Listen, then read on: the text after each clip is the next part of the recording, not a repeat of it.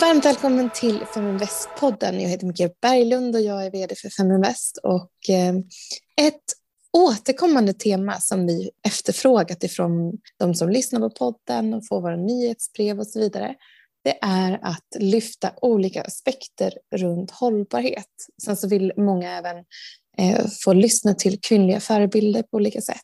Vår ambition är att bidra till att fler kvinnor har ett större självförtroende när det kommer till ekonomi, både när det kommer till sina egna företag men också som investerare. Och vi tror att en viktig komponent där är att få tillgång till kunskap och förebilder och eh, att det bidrar positivt till till kvinnors ägande i sin tur. Eh, den här veckan så har vi med oss Senior Vice President för Marketing Communications och Sustainability. Ja, ni hör, hon har att göra. Eh, Hanna Wemberg, du har varit på Adaptio sedan, sedan start egentligen. Och det som är så spännande med det här bolaget är att, och det kan ni höra mer om i poddavsnittet 79, vägen till att bli branschens mest hållbara bolag.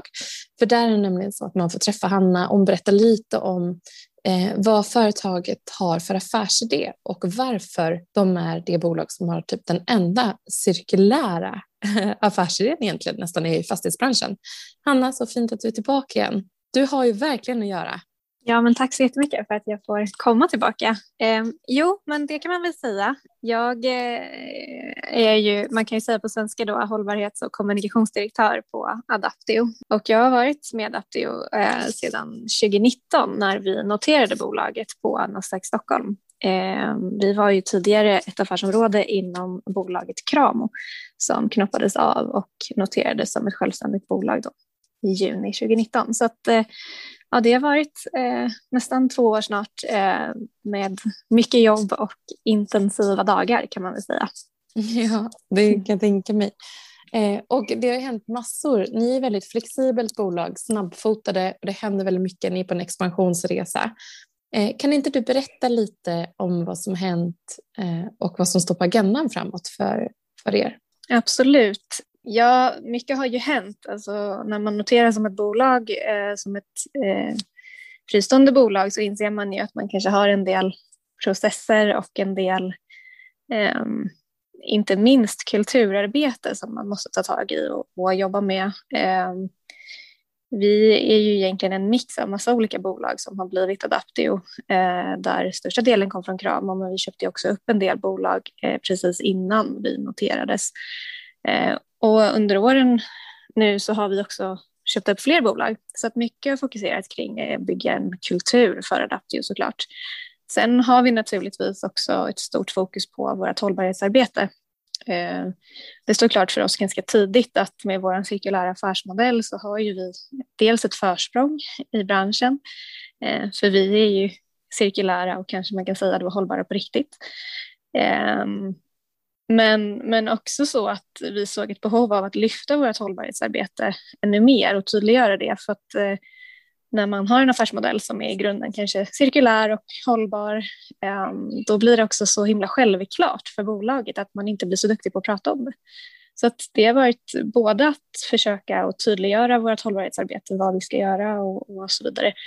Ehm, men också fokusera på att få ut det arbetet som faktiskt görs och de bra grejerna vi har gjort inom hållbarhetsfältet. Mm. Fastighetsbranschen är ju en av de mest koldioxidintensiva branscherna vad jag har förstått. Ja, det stämmer. Um, ungefär 36 procent av utsläppen i EU kommer från bygg och fastighetsbranschen. Så det är klart att det finns ett stort behov av att ställa om och, och minska klimatavtrycket från, från branschen. Um, och vårt bolag som har en cirkulär affärsmodell eh, där vi egentligen erbjuder fastigheter as a service kan man säga. Man får en byggnad när man behöver den och där man behöver den och under så lång tid man behöver den. Den är liksom helt cirkulär, den är hållbar för att vi bygger i trä och den är flexibel. Ehm, du förbygger dig aldrig, du har liksom en byggnad under så lång tid du behöver byggnaden. Eh, och sen när det behovet tar slut, du kanske får färre antal barn som behöver gå i skolan till exempel, Eh, då tar vi tillbaka den byggnaden och, och restaurerar den och hyr ut till, till nästa kund som har ett behov. Så att det ger också en stor flexibilitet i samhället som gör att man är väldigt resurseffektiv med de resurserna man använder sig av. Men om man då pratar om att så här, grundläggande har ni en cirkulär affärsmodell, ni har fastigheter as a service som är superinnovativt, cirkulärt, flexibelt, hållbart. Eh, men vad innebär det att faktiskt jobba med ert hållbarhetsarbete och förbättra det för dig? Ja, men dels handlar det om eh, vi lanserade en hållbarhetsstrategi under 2020 som ska guida oss på vägen till att bli, vi har som ambition att bli ett av branschens mest hållbara bolag och den här strategin hjälper oss på, på vägen dit och prioritera vad vi ska fokusera på och inte. Eh, sen är det de här vanliga grejerna som en, en eh, ett, fast, ett börs, börsnoterat bolag behöver ha. Det är ju liksom hållbarhetsrapporter eh, som ska leda i bevis att vi faktiskt lever som vi lär och att vi kan bevisa att vi eh, jobbar med till exempel vårt koldioxidavtryck eh, och att vi förbättrar oss hela tiden. Sen en annan viktig sak som är väldigt viktig för oss det är att vi planerar att lansera våra hållbarhetsmål under första delen här av eh, 2021. Eh, så att ett stort fokus för oss kommer naturligtvis bli att jobba för att nå de här målen. Det kommer vara superviktigt för oss. Ni älskar samma glass Nu får ni, för mamma spelar in ljud här, så mamma måste prata Mamma, jag älskar glass. Ja. Rebecka, kom ihåg så roligt när ska spela in. Ja, så gör vi. Och det var ett givet glassavbrott i Fem Västpodden. Nu tillbaka till Hanna Wennberg från Adaptio som berättar om deras hållbarhetsarbete. Ja, men och sen eh, är det naturligtvis lite mer konkret då, eh, frågan om vilka typer av material vi använder till exempel i vår produktion, eh, hur vi kan minimera klimatavtrycken från produktionen på olika sätt tillsammans med minimerat klimatavtryck från våra transporter som är en, vad man kallar då, en väsentlig del av, av vår påverkan på hållbarhetsområdet. Vi jobbar ju också mycket med eh, samhällsfrågor. Vi tycker det är väldigt viktigt. Till exempel har ju coronapandemin ställt otroliga krav på samhället och det har ju varit en stor samhällsutmaning på många sätt. Där har vi fokuserat på att ta fram nya lösningar för till exempel eh, utökat vårdbehov eller ett annorlunda vårdbehov än vad vi har sett tidigare. Så det har också varit eh, någonting och kommer fortsätta vara någonting det här året som vi fokuserar på. Men vad intressant. Kan du berätta lite mer om, om det arbetet? Ja, men absolut. Um, en grej som vi har gjort eh, handlar ju om att vi har tagit fram byggnader som vi kallar för pop-up vaccineringsbyggnader. Eh, det är egentligen byggnader som vi har tagit fram för att stötta samhället nu i den här vaccineringsvågen, ehm, eller vad man säger, som vi går in i nu.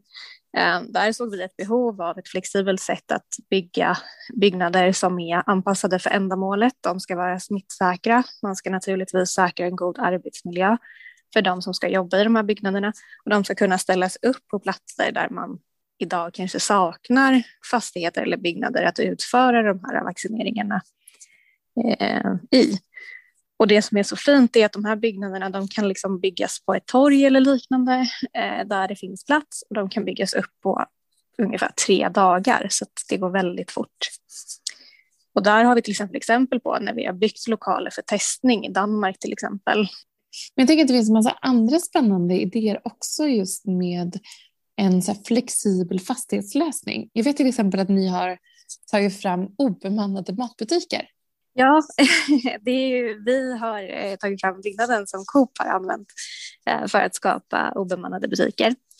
Eh, det är också ett jättespännande koncept och där är det framförallt spännande för att man kan erbjuda service i glesbygd till exempel. Områden som kanske har för litet underlag för att ha en stor matbutik men som fortfarande behöver servicen som en matbutik faktiskt erbjuder.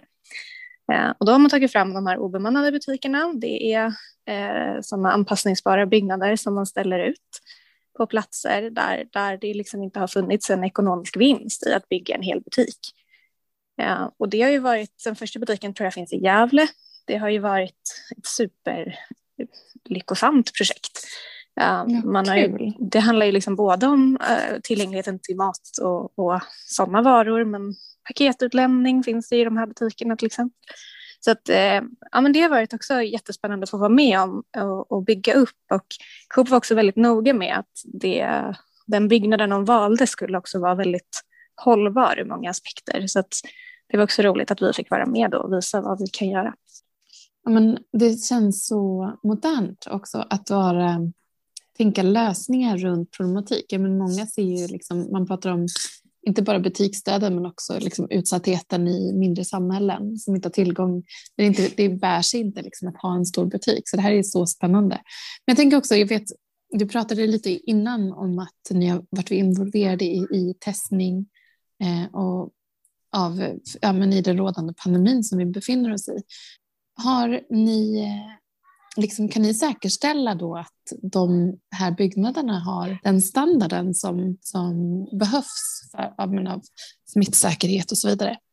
Mm, absolut. Dels har vi, det som är så bra med den, den, den typen av byggnader som vi erbjuder, det är att man får tänka sig att det är som ett lego, så att vi bygger liksom ihop det eh, efter behoven, så att vi, vi tar fram liksom en ny layout beroende på vad behoven är.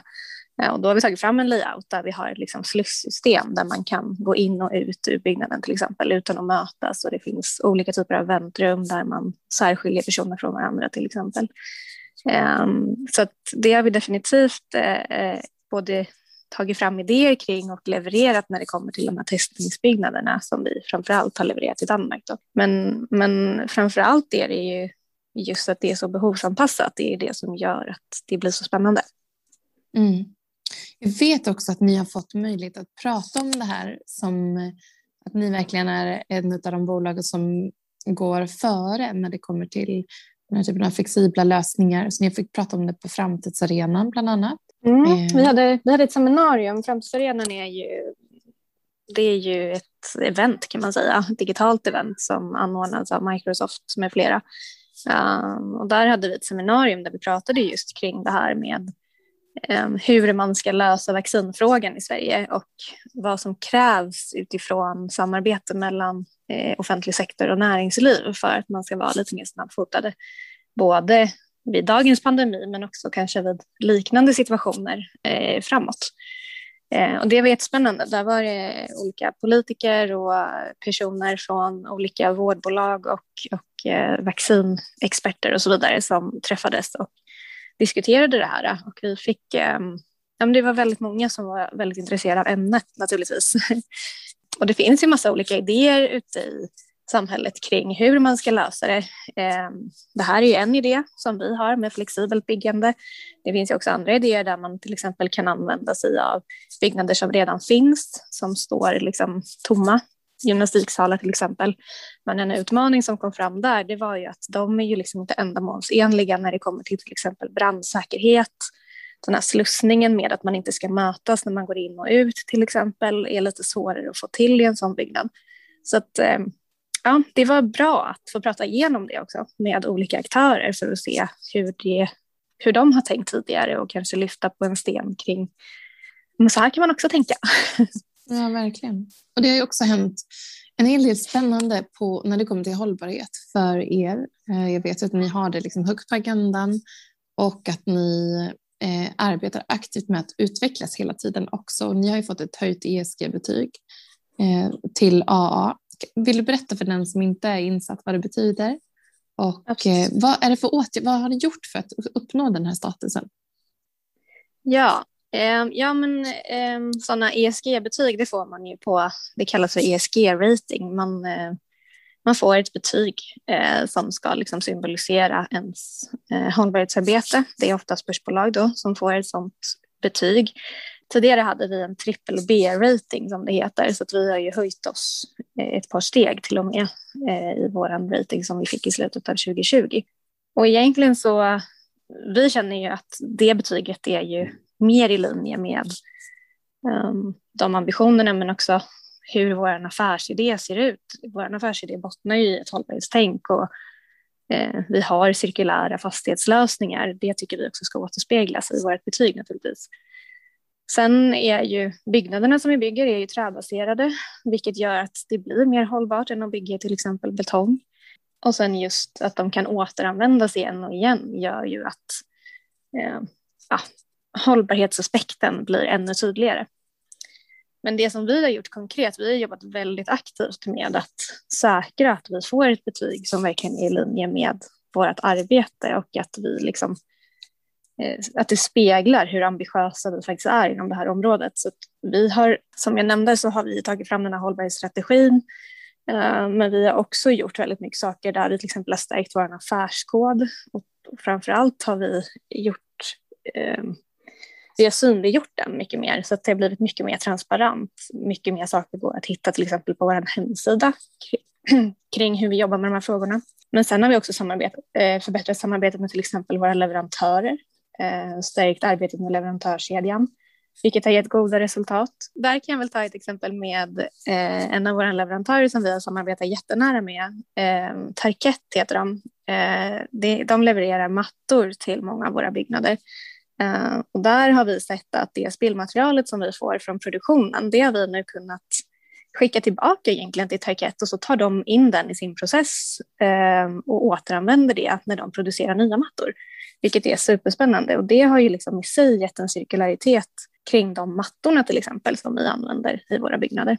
Så det är en typisk sån åtgärd som vi har gjort här under året och fokuserat på. Ja, vad häftigt. Verkligen. För det är liksom bara det är en sak att man kan ju så spåra genom hela, genomlysa hela verksamheten och det, det finns säkert hur mycket som helst att göra. Jag vet att du nämnde tidigare att ett stort problem är just det med transporter och så. Kan du berätta lite om hur ni tänker där eh, för att jobba liksom hållbart? Um, ja, men absolut. Transporter är ju en, en viktig del av vår väsentliga påverkan där till exempel har ju vi optimerat våra byggnader så att de ska precis liksom passa på eh, en, en, en, transport så att man inte ska behöva ha flera till exempel när man kör ut eh, eller att man ska behöva ha specialtransporter eller så. Eh, vi har ju dessutom börjat titta på nu att kanske eh, gå över till andra typer av, typer av bränslen. Det kan ju vara intressant vid transporter. Eh, eller helt fossilfria transporter, eh, till exempel som körs batteridrivet. Men en utmaning där är att eh, det inte finns ett så stort utbud på marknaden, så där har vi en jättenära dialog med eh, våra leverantörer för att titta på vilka olika lösningar vi kan hitta framåt för att minska miljöpåverkan från våra transporter.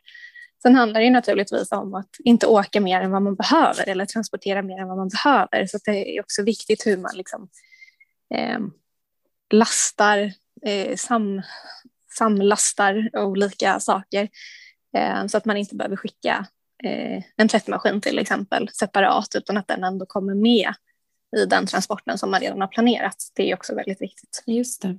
Men ni, utifrån liksom era targets så definierar ni då mål. Är de målen tillgängliga nu för en investerare att hitta på er hemsida? Nej, de är inte det tyvärr. Eh, vi har arbetat på våra mål eh, som ska komplettera vår strategi under en längre tid. Eh, och vi har som mål att de ska lanseras under det första halvåret av 2021 så att vi är precis på väg att eh, ja, sätta upp en plan för hur vi ska lansera dem helt enkelt. Eh, men det jag kan berätta om är ju hur vi har jobbat med att sätta de här målen. Där har vi ju Ehm, tittat på både globala initiativ för hållbarhet såklart. Eh, vi har ju tittat på vilka områden eh, vår verksamhet har eh, kopplat till våra förutsättningar ehm, och försöka hitta de områdena där vi kan bidra allra mest och där vi kan göra mest skillnad. Det kan omfatta exempelvis materialval, ehm, fossilfri produktion, eh, fossilfri transport cirkularitet och säkra att vi, eller öka cirkulariteten ytterligare till exempel i vår affärsmodell. Eh, minska koldioxidutsläppen men också fokusera mycket på frågor som jämställdhet och mångfald, partnerskap i civilsamhället och mål som rör affärsetik specifikt. Mm, jag vet att ni är med i United Nations Global Compact som är FNs eh, organ för hållbarhet. Vad får man ut av ett sådant eh, sammanhang? Ja, framför allt så, eh, så gör man ju en commitment eller att man, eh, man, man bestämmer sig för att följa de riktlinjer som FN har satt upp, satt upp när det gäller till exempel mänskliga rättigheter och liknande. Um, vi följer också OECDs riktlinjer för internationella företag. Um, där har vi baserat mycket av vår affärsetik kring Ehm, jag, tyck, jag tror det som är det absolut största för investerare, det är svårt att prata för investerare, men utifrån deras perspektiv så är ju det här väldigt, väldigt viktigt, att man har skrivit under den här Global Compact, som det heter. Ehm, det är någonting som alla som jag har mött det senaste året har frågat efter i alla fall. Eh, har ni skrivit på UN Global Compact? Det är viktigt för oss, för då vet vi att ni, hur ni förhåller er till att jobba med mänskliga rättigheter och liknande. Så att, um, och det är naturligtvis otroligt viktigt för oss också, även om kanske många av de här frågorna har varit återigen någonting som vi har tagit lite för självklart. Att självklart följer man de mänskliga rättigheterna och säkrar det. Vilka, eller har ni då definierat utifrån FNs hållbarhetsmål exempelvis, vilka mål som ni aktivt jobbar med? Mm, det har vi gjort och det har ju varit en jätteviktig grundpelare i både vår hållbarhetsstrategi som vi har tagit fram men också målsättningarna. Ehm, och vi fokuserar på sex av FNs hållbarhetsmål ehm, och vi har valt ut dem då som, som eh, vi tycker att vår verksamhet kan bidra mest till. Ehm, så de målen vi har valt ut de handlar om mål för kvalitativ utbildning till exempel, anständiga arbetsvillkor som är otroligt viktigt för oss naturligtvis, en ekonomiskt hållbar tillväxt, eh, att man driver en hållbar industri, eh, innovationer och infrastruktur, hållbara städer och samhällen och hållbar konsumtion och produktion. Och sen ett sista mål som vi fokuserar på är nummer 13 i FNs lista och det är att vara med och bekämpa klimatförändringarna. Ehm, så att det här, jobbar, det här är ju någonting som allting egentligen tar tar sitt språng ifrån så att säga. Och allting som vi gör ska ju bidra till de här målen som FN har satt upp. Så det har varit superviktigt för oss. Mm, jag förstår. Jag tänker snabbt när liksom, jag försöker tänka på hur ni jobbar i, i relation till de här målen. Jag förstår ju det att ni, eh, vill, ni finns med och tillgängliggör anpassningsbara lokaler för som en bra inomhusmiljö för utbildning och skola och, och sådär. Eh, kan du berätta om liksom andra konkreta eh, initiativ som ni, som ni gör för att möta de här målen? Ja, men skola och förskola till exempel är ju ett av våra starkaste områden. Eh, våra byggnader säkrar ju så att fler barn i Sverige och andra länder där vi är verksamma kan studera i en bra skolmiljö och till exempel ha god ventilation i klassrummet. Um, och det är viktigt för att eleverna till exempel ska orka studera och ta till sig kunskap under en hel dag. Man vet ju själv hur det är att vara till exempel i ett kontor som har dålig luft. Det första som händer är att man får ont i huvudet. Um, vi kan ju erbjuda lokaler som har hög kvalitet men också har en god luftkvalitet. Um, och det är ju som typiskt exempel på där vi kan göra nytta och bidra till en bra utbildning för alla. Sen är det ju så att ungefär väldigt stor andel av de skolbyggnader som används idag egentligen i hela norra Europa, de är byggda på 70 80-talet, vilket gör att eh, man brukar kalla det för att vi har en ganska stor renoveringsskuld eh, på de här mm. marknaderna när det kommer till just offentliga lokaler och framförallt skolbyggnader. Um, så att det är väldigt många skolbyggnader som har som dras med liksom dålig inomhusluft eller Eh, andra typer av kvalitetsproblem i de byggnaderna där man befinner sig. Och då är det ju toppen att kunna ha en sån här flexibel byggnad att tillgå under tiden man antingen renoverar den byggnaden som, som är permanent eller när man till exempel får in eh, fler barn under en viss tid som gör att man inte får plats. För att det är också ett stort problem idag att det är ganska eh, hög elevtäthet i de här byggnaderna som vi har. Och för Adaptios del så um, vi ser ju ett behov av att vara mer flexibla kring de här frågorna och den här typen av byggnader. Ehm, men vi är väldigt stolta över att vi också vi har, vi har levererat så otroligt ehm, många skolbyggnader. Jag tror att under 2020 så räknade vi ut att ungefär 140 000 elever och personal tillbringar sina dagar i en Adaptio-byggnad. Så det säger någonting om vilken skillnad vi kan göra på det området. Jag tänker så här, det låter ju så himla bra att ha ett hållbarhetsarbete och typ anta en strategi och sätta upp mål och jobba mot dem tillsammans. Ehm, men kan inte, ni, eller kan inte du berätta lite om hur ni landade i den processen som ni själva har utarbetat och hur ni har jobbat fram det här hållbarhetsarbetet?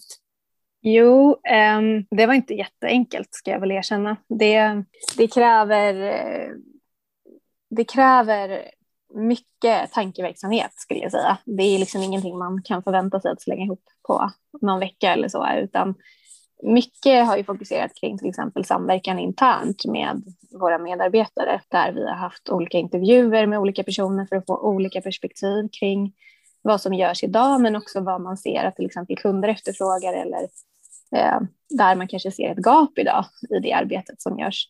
Um, sen har det handlat jättemycket om att inspirera eh, internt och få medarbetarna att känna att det här är någonting spännande som de vill vara med på. Och där måste jag säga att jag är jätteimponerad av vår organisation som har eh, verkligen tagit sig an den här frågan med jättemycket kärlek, måste jag säga. Um, men det man kan säga konkret att man behöver göra det är att titta på vart man har sin väsentliga påverkan. Och då tittar man ju på vilka områden är det där vi ser att eh, vi påverkar mest negativt eller positivt. Sen har vi också haft ganska omfattande intressentdialoger. Där har vi pratat med olika intressenter i form av kunder, vi har pratat med investerare, vi har pratat med ägare, vi har pratat med medarbetare, vi har pratat med leverantörer och där genom de samtalen har vi kunnat identifiera vilka områden som faktiskt är relevanta för oss som bolag. Um, och sen i allting vi har gjort så har vi utgått ifrån FNs hållbarhetsmål och Agenda 2030 och det tror jag verkligen har varit nyckeln för oss. Um, så att jag skulle säga att skaffa sig jättemycket insikter kring det som görs idag och vart gapen finns genom att ha mycket dialog med olika eh, intressenter och olika personer som rör sig i och runt bolaget. Det tror jag är superviktigt. Mm. Sen så vet jag också att ni har tre områden som ni jobbar eh, utifrån eh, när det kommer till hållbarhet och det är byggnaderna, de ska vara klimatsmarta, ni vill vara med och bidra och skapa ny hållbar innovation och eh, vara med och bidra till hållbara samhällsuppbyggnad. Mm. Vad betyder de här för er? Ja, kanske blir det lite repetition också. Men... Ja, men eh, vi har identifierat eh, de här områdena för att det är där vi ser att vi har vår väsentliga påverkan såklart och det är det som är mest relevant för oss som bolag att påverka framåt. Eh, det första vi har identifierat är klimatsmarta byggnader. Där fokuserar vi på hur våra byggnader produceras till exempel, eh, vilka typer av materialval som går in i de här produkterna, eh, säkra upp att det är hållbart material som används i produktionen. Eh, det kan också vara så att vi eh, tittar på till exempel vilken typ av el används när vi eh, värmer upp våra fabriker till exempel. Eh, är det grön el eller är det någon annan typ av el? Um, så att jättemycket handlar om att säkra att hela processen runt produktionen och tillverkningen av byggnaderna är klimatsmart.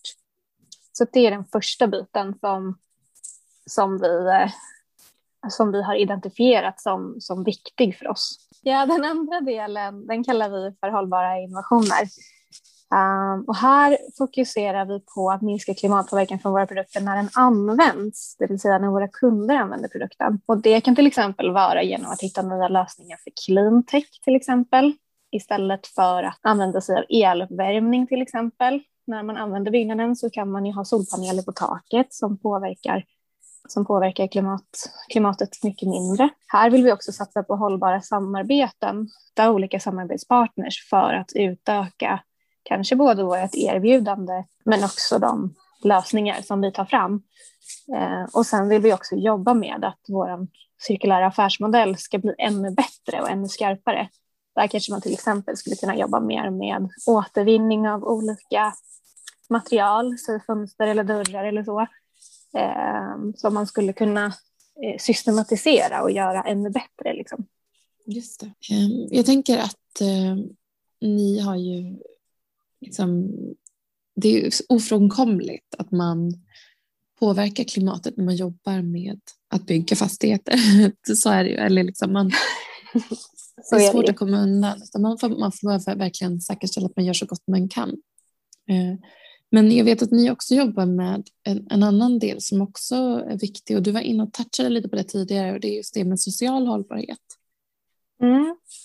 Där eh, har vi vår sista pelare som vi kallar det då, som eh, vi kallar eh, ett inkluderande, skapa ett inkluderande samhälle. Och den kan man säga att den delen är både att titta in i vårt eget bolag och vad vi gör, men också titta ut i samhället och se hur vi kan eh, jobba mer med samhällsutveckling och stötta samhället i olika frågor.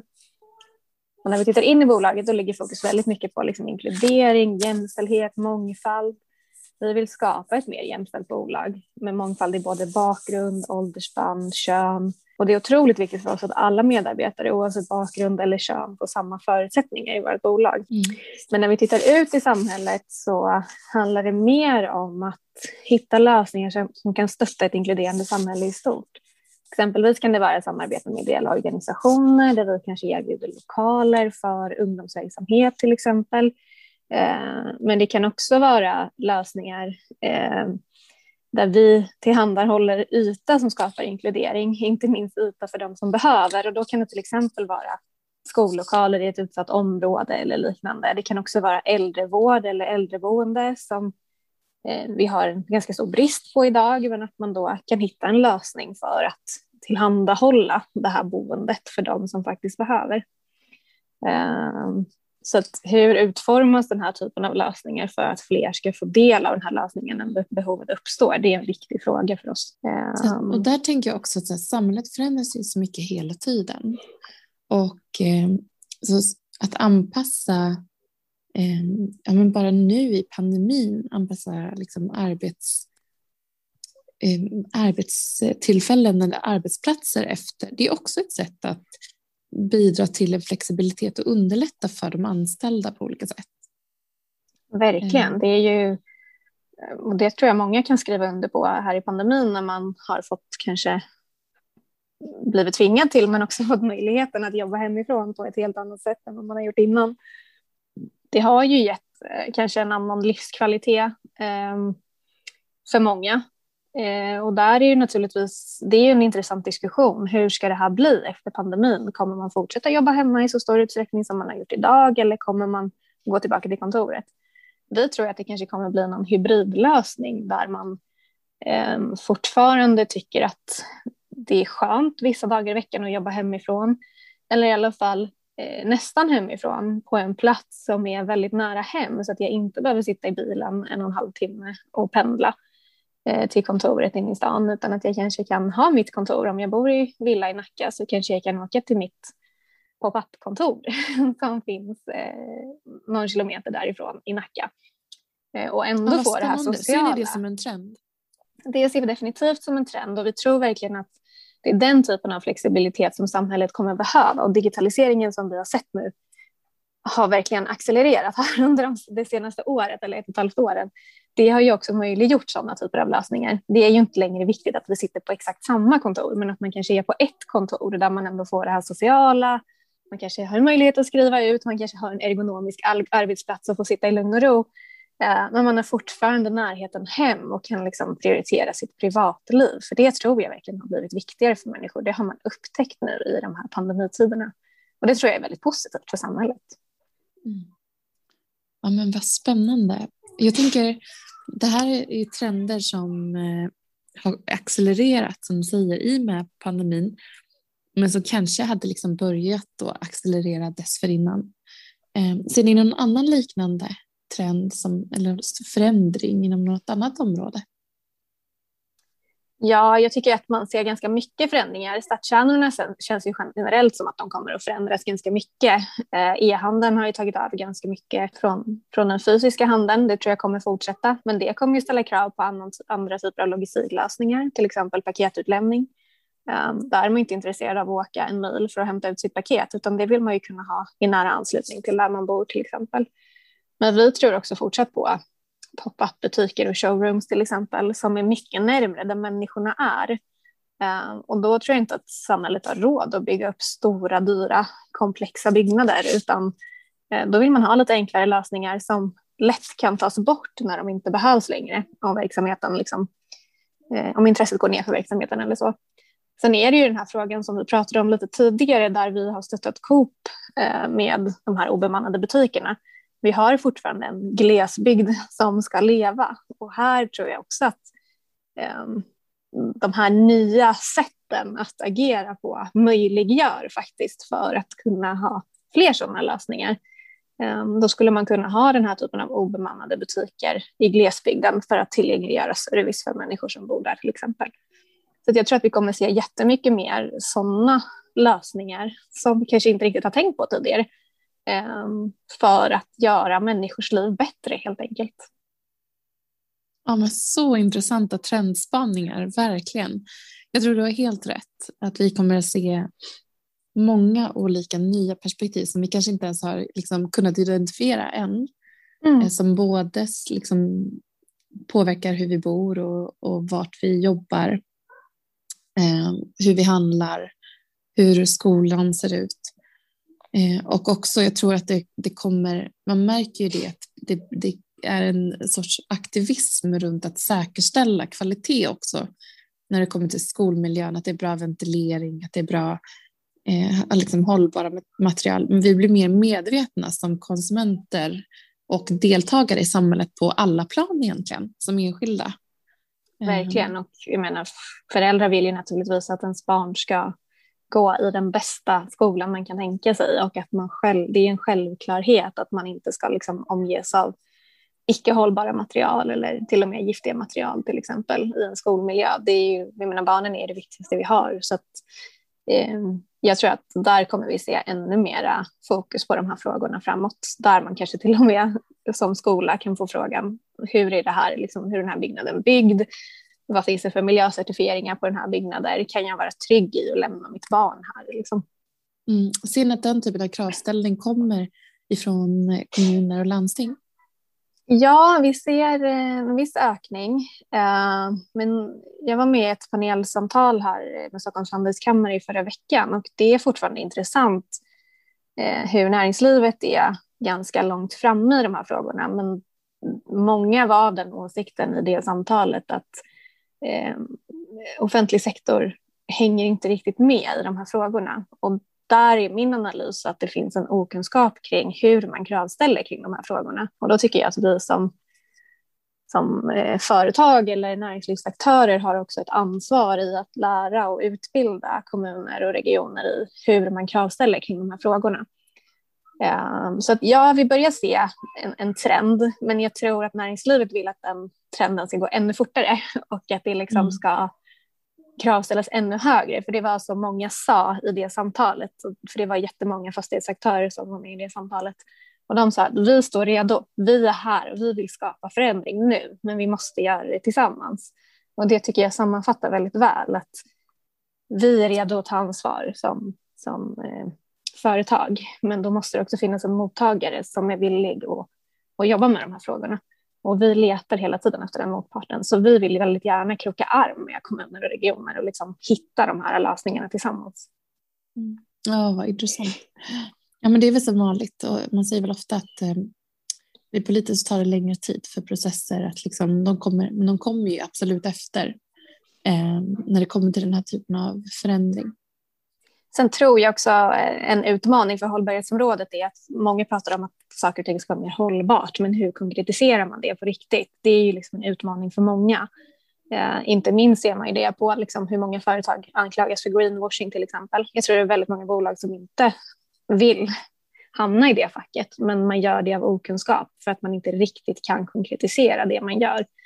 Um, jag, jag, tror liksom inte att det är många företag som med vilja vill gå ut och lura sina konsumenter. Det har jag väldigt svårt att tro. Men jag tror att det är ett fält som liksom skulle tjäna på att konkretiseras ännu mer och kanske i likhet med hur man rapporterar till exempel finansiellt så borde det kanske finnas en standard för hur vi rapporterar hållbarhetsfrågor.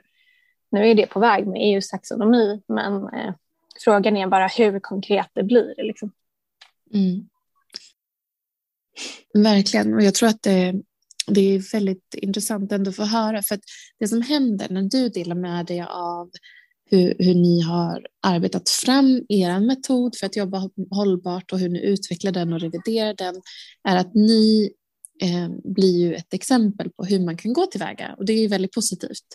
Mm. Eh, det blir konkret på det, på det sättet för att man får ett, man får ett exempel på men hur ni började med intervjuer för att säkerställa vad, vad, kan, har vi för information och kompetens runt vad vi kan göra, vad efterfrågas och, och så, så man börjar nysta i rätt ände. Verkligen. Tack så jättemycket Hanna för att du var med. Jag har lärt mig så mycket och eh, jag hoppas att du som lyssnar också har fått snappa upp en hel del ny kunskap om hur man kan tänka. För det här tänker jag appliceras på, på majoriteten eh, av bolag inom fastighetsbranschen också, men även att andra helt eh, fristående in, in, branscher och industrier kan lära ut av den processen som ni har genomgått.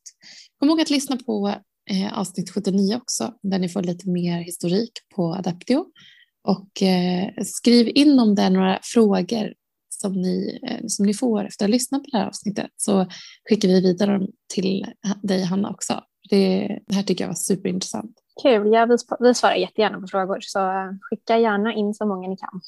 Och sen kan ni följa Adaptio på LinkedIn bland annat och på Instagram och Hanna, du finns ju på Twitter också eh, som ja, följer ditt arbete. Hanna Wennberg, så vi får tagga dig i, i de inläggen som vi gör. Tack så jättemycket för att du var med i den här veckans podd och eh, så hörs vi eh, förmodligen framåt så ska vi hålla utkik efter de här målen som ni presenterar under, under året. Ja, och första det får ni göra. Kanske mm. mm. okay, Tusen tack för att du var med.